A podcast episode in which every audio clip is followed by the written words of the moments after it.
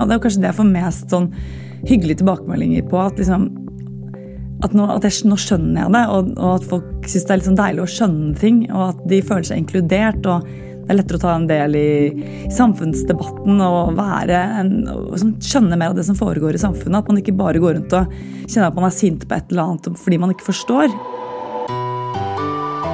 It's a disgrace And I think they ought to apologize to start with. Dominere mediebildet. A failing media. Pile of garbage. False and fake, fake, fake, fake, fake, fake. Hei og velkommen til en ny episode av Pressepodden. Mitt navn er Jan Magnus Weiber Ørdal, og i dag har jeg tatt turen til NRK og Marienlyst og sitter her inne på kontoret med NRKs økonomikommentator Cecilie Langum Becker. Velkommen til Pressepodden, Cecilie. Tusen takk. Vi skal ikke overraskende snakke om eh, økonomi, journalistikk, eh, men også litt om hvordan du jobber for å forklare komplisert stoff, gjøre det forståelig for folk flest osv. Men aller først, som alltid, vi må ha en liten reklamepause. Ønsker du å annonsere i Pressepodden? Kontakt oss på annonse at medie24.no. Cecilie Langum Becker, du er eh, da, som mange veit, kjenner deg som NRKs økonomikommentator. Ehm, jeg bare lurer på aller først, skal jeg begynne her, Hva betyr det egentlig rent praktisk? Altså, Hva er dine hovedoppgaver sånn du kommenterer jo økonomi for NRK, men si litt om det. Hva er liksom en arbeidsdag for deg? Ja, Det er jo utrolig variert. Da. Det er jo alt fra Vi har masse sendinger og masse sendingsflater som kanskje ikke folk er så veldig sånn uh, opptatt av. Mange små radioprogrammer, mange store radioprogrammer. Så mye radio. Mye TV. Uh, jeg skriver mye. Uh, og jeg snakker mye med folk. Jeg går på konferanser og seminarer. snakker med analytikere på telefonen. Eh, og så er jeg litt sånn helpdesk for økonomi her på huset, hvor veldig mange ringer fra ulike distriktskontorer og lurer på ting om jeg kan hjelpe dem med et eller annet og forstå noe. Journalister og sånn? ikke sant? Journalister. Ja. Mm. Og kollegaene mine også, som sitter her på Økopol, som kommer inn og diskuterer liksom, ulike temaer. Da. Så det er noen ofte en fordel å være her på huset, selv om jeg også jobber en del hjemme. Så, så folk blir veldig glad når jeg er her, da, og så titter de innom, og så, så diskuterer vi litt sånn ulike temaer. Mm. Du er jo en godt synlig og mye brukt stemme på flatene til NRK, da, som du nevnte. Eh, både store og små. Spesielt under eh, koronapandemien da, fra 2020 så tok det litt av. Du var mye bl.a. en av de mest brukte gjestene på Dagsnytt 18, som vi omtalte. Hvordan trives du med den delen av jobben? Altså, du har nevnt det sånn internt snakke med hjelpe litt kolleger, men det å være utad, ansiktet utad for Økpola-gjengen her, hvordan? Trives du med det? Nei, det, tenker, det, er veldig, det er jo først og fremst veldig gøy, fordi du, får, du får, har så mye gjennomslagskraft i den rollen. Eh, men akkurat under, liksom, siden du nevner pandemien, så var det sånn at juni, da jeg kom til juni det året, så var jeg helt ferdig. Da, sånn, da, ringte jeg faktisk til sjefen min og sa at nå må jeg ha en pause. Jeg var veldig veldig sliten. Eh, og måtte si at eh, jeg må ha en litt lengre pause. Fordi det, det gikk sånn døgnet rundt morgen og kveld og det er så uforutsigbart. Eh, og jeg har tre barn som var da ganske små på den tiden.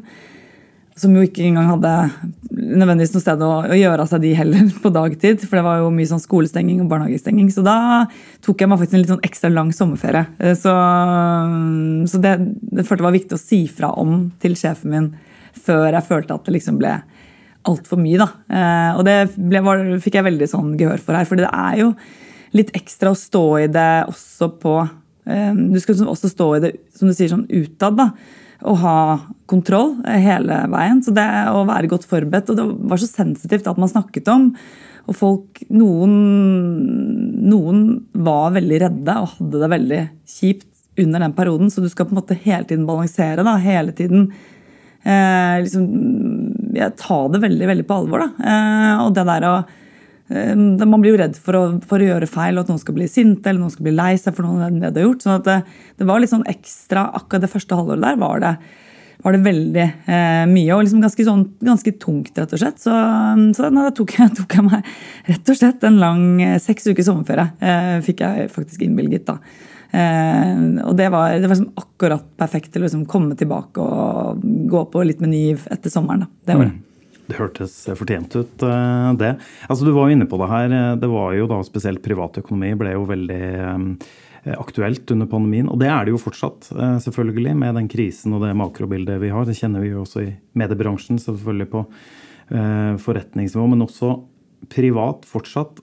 Du har tidligere forklart til oss at det er viktig for deg å hjelpe folk med å forstå. Og vi, som innledningen, ofte komplisert materiale for mange, økonomi.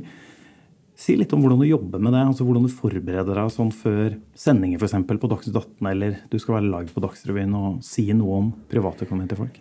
Ja, da, da, er det alltid veldig viktig å tenke at de aller færreste liksom er akkurat som meg. For det er lett å ta det fra sitt eget perspektiv alltid. Men at man tar med seg um, hele bildet. Da, og gjerne de som uh, er de svakeste, uh, tenker jeg. og og også de som har lavest utdanning, som kjenner størst usikkerhet knyttet til egen økonomi. At man prøver å gå liksom helt ned på deres nivå uten at det blir for banalt, uten at det blir ovenfra og ned, men at du måte stiller deg litt i øyehøyde med eh, alle disse menneskene. Og det er kanskje det jeg får mest sånn hyggelige tilbakemeldinger på. At, liksom, at, nå, at jeg, nå, skjønner jeg det, og, og at folk syns det er litt sånn deilig å skjønne ting. Og at de føler seg inkludert. og det er lettere å ta en del i samfunnsdebatten og være en, og skjønne mer av det som foregår i samfunnet. At man ikke bare går rundt og kjenner at man er sint på et eller annet fordi man ikke forstår. Eh, så jeg føler også for um,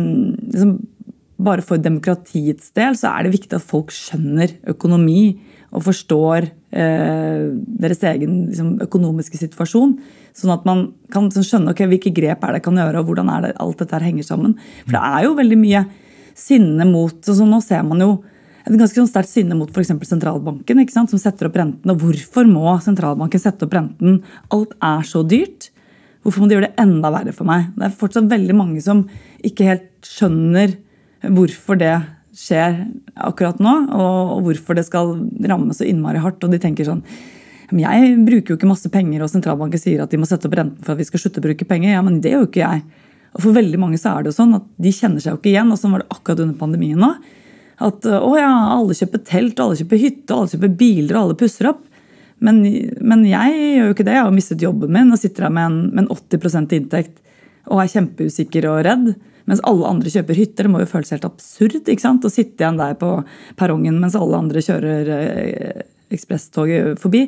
Så det er litt det der å, å, huske på at de aller viktigste å ta med inn, er jo de som Eh, kanskje har det vanskeligst. Eh, så jeg tenker det der å inkludere folk, få dem til å føle seg sett, det er kjempe, kjempeviktig for meg. Jeg er ikke ute etter å imponere noen eller brife eller se hva jeg kan. Jeg vil liksom genuint at folk skal forstå og, og føle seg sett og inkludert. Har du noen grep da som du bruker for å få til det? Fordi du nevnte jo altså Din kunnskap er jo um, en ting fordi du, altså du, eller du har jo jobba mange mange år med økonomi og journalistikk, selvfølgelig. Kan jo dette her godt. Men som du sier, du snakker jo ikke til sånne som deg eller folk i finansverden for den saks skyld. Er det noen grep du gjør for å liksom teste er dette forståelig nok, eller vil folk forstå hva jeg mener?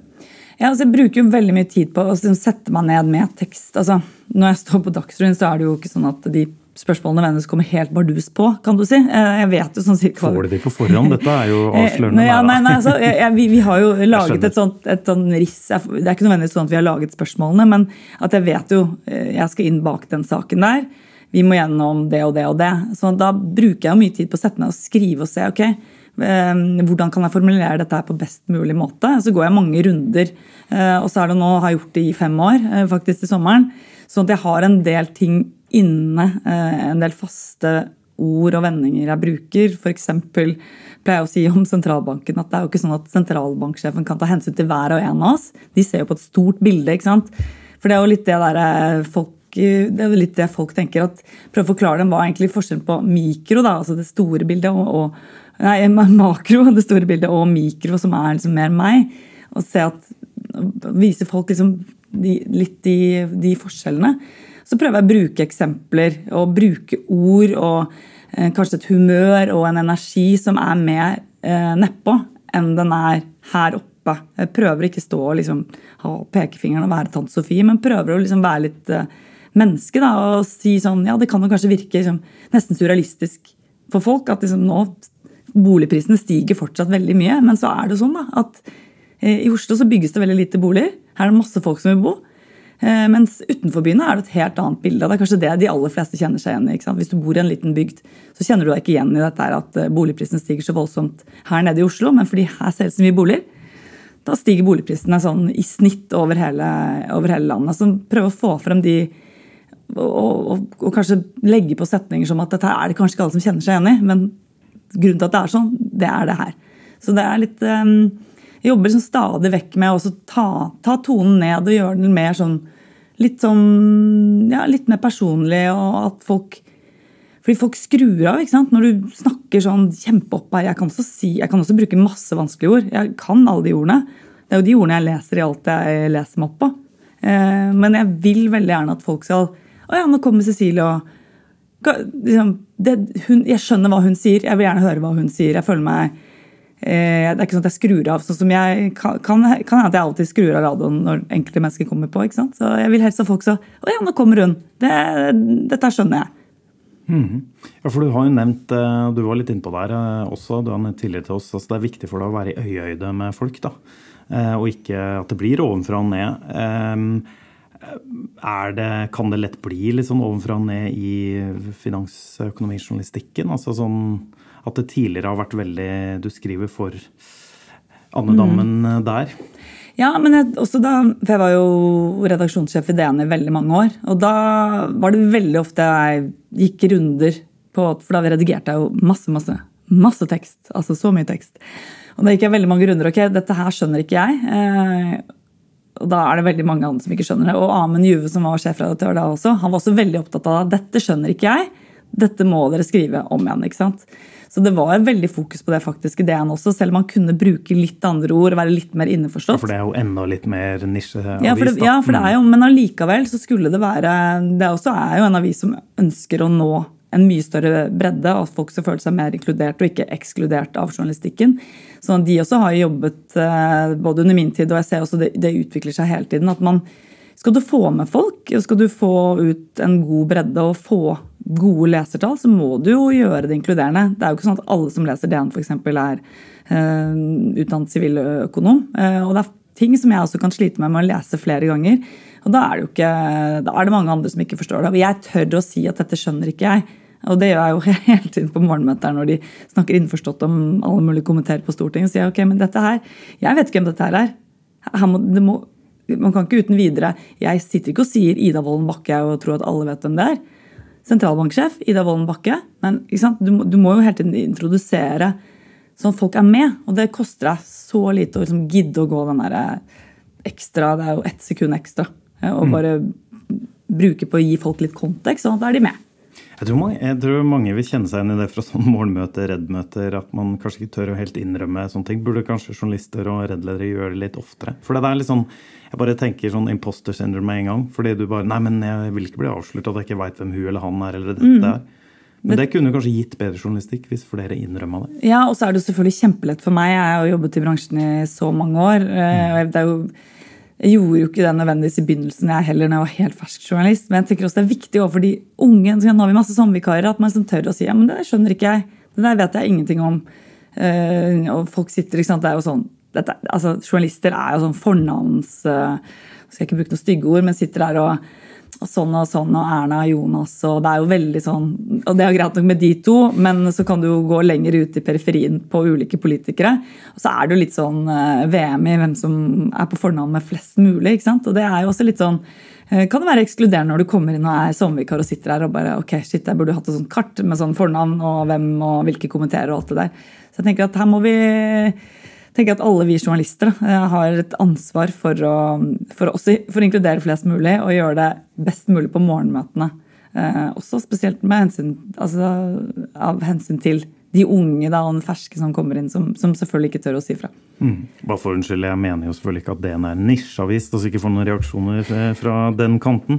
Men en mer uh, nisjeretta uh, journalistikk. Ja. det er jo en god, bred avis. Det er ja, det jo faktisk ja. blitt uh, Men de, de, de, retter seg jo mye bredere enn nisjen. Ønsker du å annonsere i Pressepodden? Kontakt oss på annonse at medie24.no. Du nevnte jo dette med tilbakemeldinger fra seere, lyttere, lesere. Får du mange tilbakemeldinger i jobben? Masse. Masse. Veldig mange mail. Og så er det, men så er det bare Det er stort sett hyggelig, og så er det noen som er uenige, selvfølgelig. Jeg fikk en mail i går kveld hvor liksom temaet er drittjournalistikk. ikke sant? Det er jo bare, Og så er det en lang rant, da. Eh, og så leser jeg det ikke så nøye. Og det også er litt det derre Hadde jeg vært 25 i den rollen her, så hadde jeg jo fått vondt i magen hver gang det kommer sånn mail, og det gjør jeg jo ikke. Kommer den sånn, ja, jeg skjønner jeg skrev en, en ytring i går på NRK1 om Russland.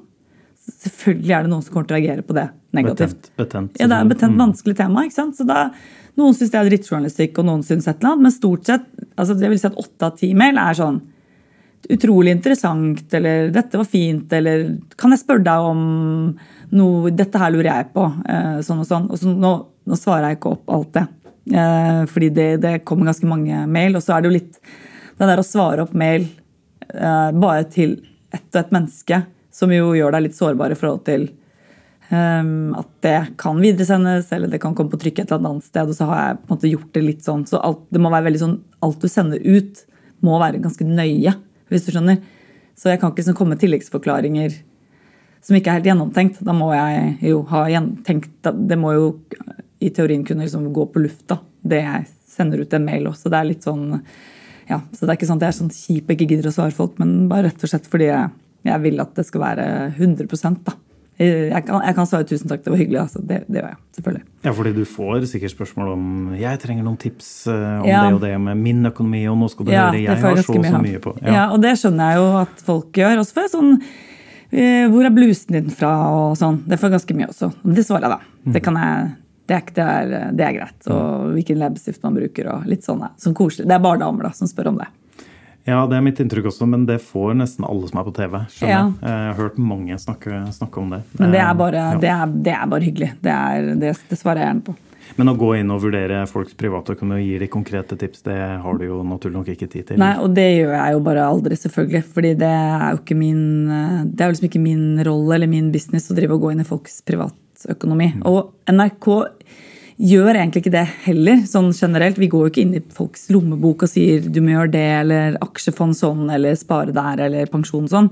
Eh, fordi det er jo ikke NRKs rolle å skulle gå inn i folks privatøkonomi. Eh, vårt oppdrag er mer å gjøre folk i stand til å orientere seg og, og finne ut av ting selv, og finne ut av hvor de skal gå eventuelt for å få de rådene. Det er ikke, det er ikke jobb, vår jobb å måtte, tipse folk. da. Mm. Ble du stoppa på gata og sånn mer nå de siste fem årene? jeg ble ikke stoppet så mye på gaten nei, før, nei. Nettopp. jo, jeg blir, jeg blir, det en del, av. Men det er alltid bare hyggelig. Igjen, da. Det er sånn, så er det mye sånn damer på sånn Jeg vil si at uh, hvis, jeg, hvis, jeg, hadde vært artist så de, Artister bruker det ordet fanbase. Og det, min fanbase det er damer 60 pluss. De de syns det, de det er veldig hyggelig når de møter meg. Fordi, og jeg tror det er fordi dette er en gruppe som føler seg ekskludert, eh, ikke sett. De føler at det er mye de ikke skjønner. Og så endelig så kommer det kanskje noen som forklarer dem sånn at de forstår. Sier, så de kommer og sier åh, når du kommer så, da, da vet jeg at jeg skjønner det. ikke sant? Og det, det syns jeg, jeg, er så hyggelig at de jeg slår en slag fordi det er damene som kanskje har blitt fortalt at ikke de kan noen ting. Og så kan de jo masse og skjønner masse, men de tror at ikke de skjønner noe. Og så forklarer jeg et eller annet, og da blir de, da blir de liksom nesten takknemlige. Og det er jo, litt, det er jo litt, nesten litt trist at man føler seg så takknemlig for at man forstår noe. Men det sier litt om kanskje en gruppe i samfunnet som, eh, som man må ta litt sånn ekstra vare på. Så det, det, det liker jeg veldig godt. Sånn de, jeg slår et slag for de 60 pluss-damene. De, de er fantastiske. Kanskje noen av de du tenker på når du skal eh, stå der på ja, TV eller radio og forklare jeg gjør ting? Det. Jeg gjør det. Og det er liksom Bente 60, forstår hun dette her? Nei, ja, ikke sant. Så, så det, er jo, det, er jo, hele tiden å snakke til Ha noen ansikt og snakke til um, og, og, hele tiden ta meg selv ut av ligningen. Dette er ikke for meg. Altså, jeg skjønner dette her. Så det er jo det derre ja, Det gjør at, at folk skjønner og forstår. Det er jo, det er jo kjempegøy. Altså, tenk så heldig jeg er som kan sitte og ha det som jobb og være en sånn eh, Nesten sånn inkluderings... Eh, hva skal jeg si? Inkluderingsminister, nesten. På, på økonomi, da. Mm. Ja. Eh, vi har jo vært innom det, og du har også nevnt det. Du begynte i NRK fem år siden, sommeren 2018. Og da hadde du jobba 13 år i Dagens Næringsliv. Mm. Journalist, redd-sjef, digitalsjef var du vel sist. Savner du den skal vi si, daglige journalistikken på gulvet i en avis? Mm, jeg savner, det jeg savner fra DN, er jo det enorme fagmiljøet. Det må jeg jo si. Å ha mm, holdt jeg på å si, sånne legender som uh, Terje Erikstad, som, er, som, nå er finansredaktør, og ha de derre de som kan det veldig veldig godt rundt meg. Uh, for vi er ganske få her. Uh, jeg har jo kjempe har jo mange andre, altså Johan Settem, Trond Lydersen, Sofie Lorkfalk, Tore Tollersrud. Det er jo vi som er på en måte økonomigjengen her. Og de er jo kjempeflinke, helt fantastiske kollegaer. Men, eh, men, det er jo ofte jeg som eh, jeg er blant de som kan mest. da, ikke sant? Eh, så vi kan diskutere oss frem til veldig mye, men vi har ikke noe sånn, vi har ingen sånn fasitperson her. Vi har ikke en sånn gamlefar i huset som, som, har svar på alt. Så, så, da går jeg eksternt da, og diskuterer mye med, med, med mange andre sånn makrofolk i banker og litt forskjellige, og folk jeg gått på NHH med, og, som er liksom eksperter på ulike områder. Så så det, er, det, savner, det, savner, jeg. Men det var jo et kultursjokk å komme inn her. Det er jo ingen tvil om. Å komme inn her som sånn ubeskrevet blad, og alle var superskeptiske. Og bare hva er det hun kan, og dette, hvem er det hun kjenner? Og hun har sikkert ingen kilder. og dette... Så det var en sånn kjempeskepsis. sånn at Det var faktisk sånn at på julebordet eh, det, da 2018 så var vi på Lorry. ikke sant, Hele Økopol. Og da også var det Magnus Kjære Magnus Takvam, som jo er fantastisk skjønn. Han holdt damenes tale. Jeg holdt herrenes tale tilfeldigvis. Og han, da sa han, og så da går man rundt bordet ikke sant? og så sier man noe hyggelig til hver, og da sa han Cecilie, du har gjort all skepsis til skamme. Nå tenkte jeg fy søren, var dere så skeptiske? Og tydeligvis de har vært råskeptiske mer enn Og jeg hadde hørt på forhånd altså, fra kollegaer som hadde, ja, de er kjempeskeptiske og de tror at ikke du kan noen ting. Så, så det var litt sånn, det var en slags innrømmelse av hvor mye de kanskje hadde snakket om meg på forhånd og vært skeptiske til at jeg skulle komme inn. Da. Så jeg følte det var bratt da jeg kom inn, at jeg hadde veldig mye å bevise. Eh, jeg satt jo litt sånn her alene på kontoret, og navnet til Astrid Randen sto fortsatt på kontordøren min. Jeg hadde kastet ut Astrid fra sitt kontor og sitter her og skal liksom gjøre noe. Nei, det var, det var, litt, det var noen litt, det var litt strevsomme første måneder der, vil jeg si. Mer tillit internt eh, nå? Eller skepsisen er vel ikke til stede nå? så stor grad. Nei, det får vi i hvert fall ikke høre om, da. men, eh, men, ja, fordi kanskje noe av skepsisen gikk vel for, altså du, Din erfaring med, med, økonomijournalistikk var jo udiskutabel etter så mange år i, i DN. Men som kommentator, eh, det hadde du ikke erfaring med, med flere roller i DN som vi nevnte. Når var det du kjente at kommentator. Det kunne jeg tenkt meg å gjøre. Nei, altså Det kom jo min gamle sjef Marianne Johansen, altså her, som ansatte meg. Hun la ut denne annonsen for denne stillingen her på Facebook. Jeg hadde ikke sett den. Eh, og jeg hadde ikke sett den hvis hun hadde lagt den ut. Eh, og så, tenkte, og så leste jeg om den, og så tenkte jeg det er første liksom, jobben jeg har sett som sjekket alle boksene. For det er sånn, Du må kunne det, du må kunne det. Og så tenkte jeg sånn, ok, det kan jeg, det kan jeg. Og så, sånn, så gikk jeg hele listen og tenkte jeg, men jeg kan jo noe om alt dette her. Og så kan jeg jo Hadde jeg jo ikke vært på TV og sånn før, men jeg tenkte at det, det, det, det, det ordner seg. tenkte jeg. Og så tenkte jeg at det også var gøy å gjøre noe nytt, og ikke minst Ehm, det er jo veldig deilig å produsere selv. Jeg savnet jo å produsere selv. Jeg satt jo bare med andre folks ting. Satt bare og deska, rett og slett? Ja, ikke sant? Og, og skal sitte og bestemme ikke sant? Vi kjører den pakken søndag morgen og det, det her lørdag ettermiddag. og Hvor skal vi nå, hvor skal vi rykke, og hvem skal rykke hvor? Og hvilke hull må vi tette i dag? Og hvem skal Altså, Personal, ikke sant. Hvem har en døende bestemor i Trondheim, og hvem skal levere sperm på Kypros? liksom? Det er jo, altså, det er jo, helt, det er jo, det er jo helt sinnrikt å ha eh, personalansvar. Eh, så jeg tenkte at ja, jeg, jeg, tester det her, og det har vært liksom, altså, bare det å komme tilbake og sette seg ned med en pult og tenke og konsentrere seg om sitt, seg og sitt. Og ikke konsentrere seg om sånn hull i vaktplaner og alt det. Jeg kan sitte og jobbe med min tekst og sitte og liksom flekke på setninger i fred. Det er helt, det er helt nydelig. Jeg anbefaler alle som er mellomleder i en mediebedrift, å revurdere. Altså, for det er bare Å bli kommentator? Ja, ja eller, bare, eller, eller, bare, gå tilbake til å være vanlig journalist igjen, tenker jeg. Altså, fordi det Ære være de som har verdens beste mellomleder her, Peder Otsen, som jobber altså, med de der vaktlistene og alle disse hullene og all det der logistikken. Ære være han, altså. som mellomleder så kjenner jeg litt igjen, men vi skal gå, vi skal gå videre. Um, fordi du nevnte jo uh, miljøet her, uh, og, og, og, du er jo Nå har du vært der i fem år, du er en av de mest profilerte og brukte NRK-kommentatorene. Tidligere i år så lanserte du en podkast med to av de andre mest profilerte kommentatorene. Tone Sofie Aglen og Lars Nehru Sand, de politiske kommentatorene.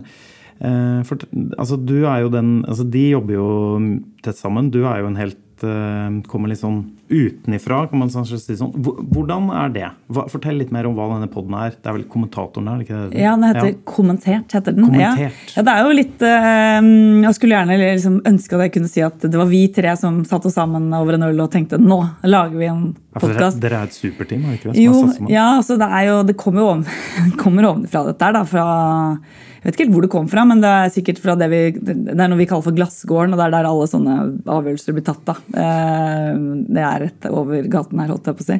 Eh, så det var vel en, var vel en sjef, eller sikkert Kyrre Nakken, da, sjefen vår som er avdelingsleder her, som kom og sa at eh, ja, nå lager vi pod, det blir kjempebra. Og så satte han sammen oss tre.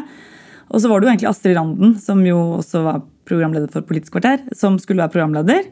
Så vi gikk i studio og hadde eh, ganske mange piloter, vil jeg si, som var sånn tja, mer eller mindre vellykkete, vil jeg kanskje si. Vel lange, Alle pratet veldig lenge av gangen, sånn som jeg gjør nå. Eh, men, eh, Og så skulle hun plutselig begynne DN, så da fikk vi jo da en ny programleder. Som jo også var veldig bra. altså Astrid var kjempeflink, og Eivind Våge, som er nå programleder, er også kjempeflink. Også, men det har vært litt jobb med å liksom Du skal være en gjeng, og det skal være god stemning. Eh, og det er jo lett når man er en gjeng fra før av, men vi er jo mer sånn vi er jo ikke sammen i helgene, vi tre. Selv om vi tre liker hverandre godt og har det kjempehyggelig når vi er på jobb. Men vi er jo ikke sånn at vi, vi tre nå stikker vi og drikker øl. ikke sant? Lars har jo, har jo en, en, en, ganske liten sønn, og jeg har tre barn. Eh, sånn at jeg er på jobb, og så går jeg hjem. Jeg henger ikke med kollegaer, eh, sånn som jeg gjorde det i 20-årene da jeg begynte DN. Så det er litt sånn å få opp den stemningen i studio og liksom bli ordentlig trygge på hverandre. og liksom Hvor går grensen? Hvor mye kan jeg tulle med Lars Nehru Sand? ikke sant? Selv om jeg jobbet sammen i fem år, hvor går hans grense? Kan jeg tulle med at han har litt lite hår på toppen? Er det greit? Kan jeg tulle med Tone Sofie om at hun er erketrønder og snakker veldig mye om Trøndelag på alle morgenmøtene? Kan jeg liksom, Hvor langt, hvor går streken? Så det har tatt litt tid. Eh, så, så vi har, funnet, vi har liksom nå landet litt mer hva kan vi tulle med. Og da blir det jo også morsommere og hyggeligere å høre på. tenker jeg. Men det, jo, det skal jo være både politikk og økonomi, litt sånn forskjellig, men litt sånn lødig og gøy. Litt, litt gøy, i hvert fall. Eh, det skal ikke være humorpodkast, vi er ikke Berma Beyer, liksom. Men eh, det skal være litt sånn trivelig å høre på, da. Mm. Eh, av, men du har jo fått enda mer å gjøre, da, vil jeg tro. Du har sikkert en busy schedule, og så får du en podkast å lage i tillegg. Men, ja, det, er, det, går en full arbeidsdag i, i ukene egentlig på det. For det er jo veldig mye forberedelser. Det er jo ikke sånn at vi setter oss ned og Dette er jo NRK, dette her skal jo være et sånn premiumprodukt, som vi kaller det. det. Dette her, det er ikke sånn vi setter oss ned og bare begynner å prate. Det er jo, veldig, det er jo planlagte temaer. Og vi skal ha med oss en forbigåelse inn. Liksom, en nyhet som er forbigått i uken som gikk. Og det må vi jo liksom må tenke gjennom, da. Og da har vi jo sånn, Jeg stort sett har alltid et eller annet innenfor økonomi. Tone Sofie har alltid noe fra Nord-Norge. Og Lars har alltid Ikke Trøndelag? Ja, ja Nei, veldig mye, veldig mye sånn Nord-Norge. Mye om samer og, og, litt sånn litt smalere, holdt jeg på å si. Ikke at samer er så smalt, men det er sånn, litt sånn smale temaer innenfor sametema. Så det er liksom under der igjen. Og Lars har liksom en eller annen rapport fra et eller annet direktorat, et eller annet noe, altså, som er veldig veldig smått. Og så prøver jeg å ta litt sånn eh, at sånn, I Oslos eneste pantesjappe så er det full aktivitet når folk driver pantsetter Rolexer og liksom prøver å dra litt sånn litt mer sånn mm. eller oppå der historier. da. Så, så, vi har funnet en bra form på det. Altså. Så har vi lesespørsmål, masse spørsmål fra nei, lesere, lyttespørsmål. Så det er også gøy. Så mm. folk hører på, altså. Um det er snart uh, sommerferie, og dette blir faktisk den siste pressepodden før uh, sommerferien fra Medie24. Uh, og da skal vi som jeg pleier å si, gå inn for landing snart. Vi har bikka godt over 25 minutter, så folk må komme seg ut i sola. Men det er naturlig å spørre, Cecilie. Blir det sommerferie på deg i år, da? Du nevnte, du får kanskje ikke seks uker nå, som du fikk Nei, jeg får, sist, ikke, jeg får ikke seks uker nå, men jeg skal tre uker til USA. Faktisk, med familien. Eh, det har jeg hørt er veldig billig dollar, så da har jeg tydeligvis misforstått et eller annet, for alle siden er så dyr. Nei, men det er, det er, eh, vi skal tre uker til USA. Har vært planlagt i fem år. Roadtrip, eller? Ja, det er eh, road og fly. Altså, vi skal fly til New York, og så skal vi fly til Miami, skal vi fly til Vegas, og så skal vi ha bobil fra Vegas til LA og ende opp en uke i LA. Det høres digg ut, da. Høres gøy ut. Jeg gleder meg helt vilt. ja. Ja, bra. Eh, åh, nå fikk jeg lyst på roadtrip i USA. Mm. Eh, men eh, da får jeg bare ønske deg god tur og god sommerferie. Men eh, gode eh, jobbdager før den tid, for sommerferien kommer vel ikke riktig ennå, vil jeg tro. Jeg har en del uker igjen. Der først er det et svært og viktig rentemøte altså neste uke. Det er jo det jeg ser frem mot nå. Beste med jobben. Rentemøter. Det er ikke tull, altså. Jeg elsker det. Det, der har vi sitatet på saken, tror jeg.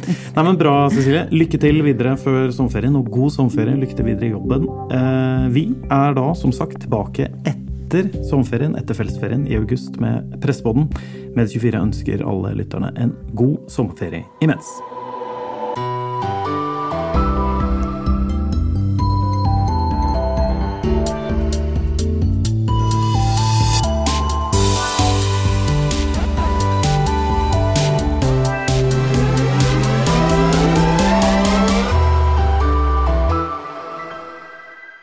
Ønsker du å annonsere i Pressepodden? Kontakt oss på annonse at medie24.no.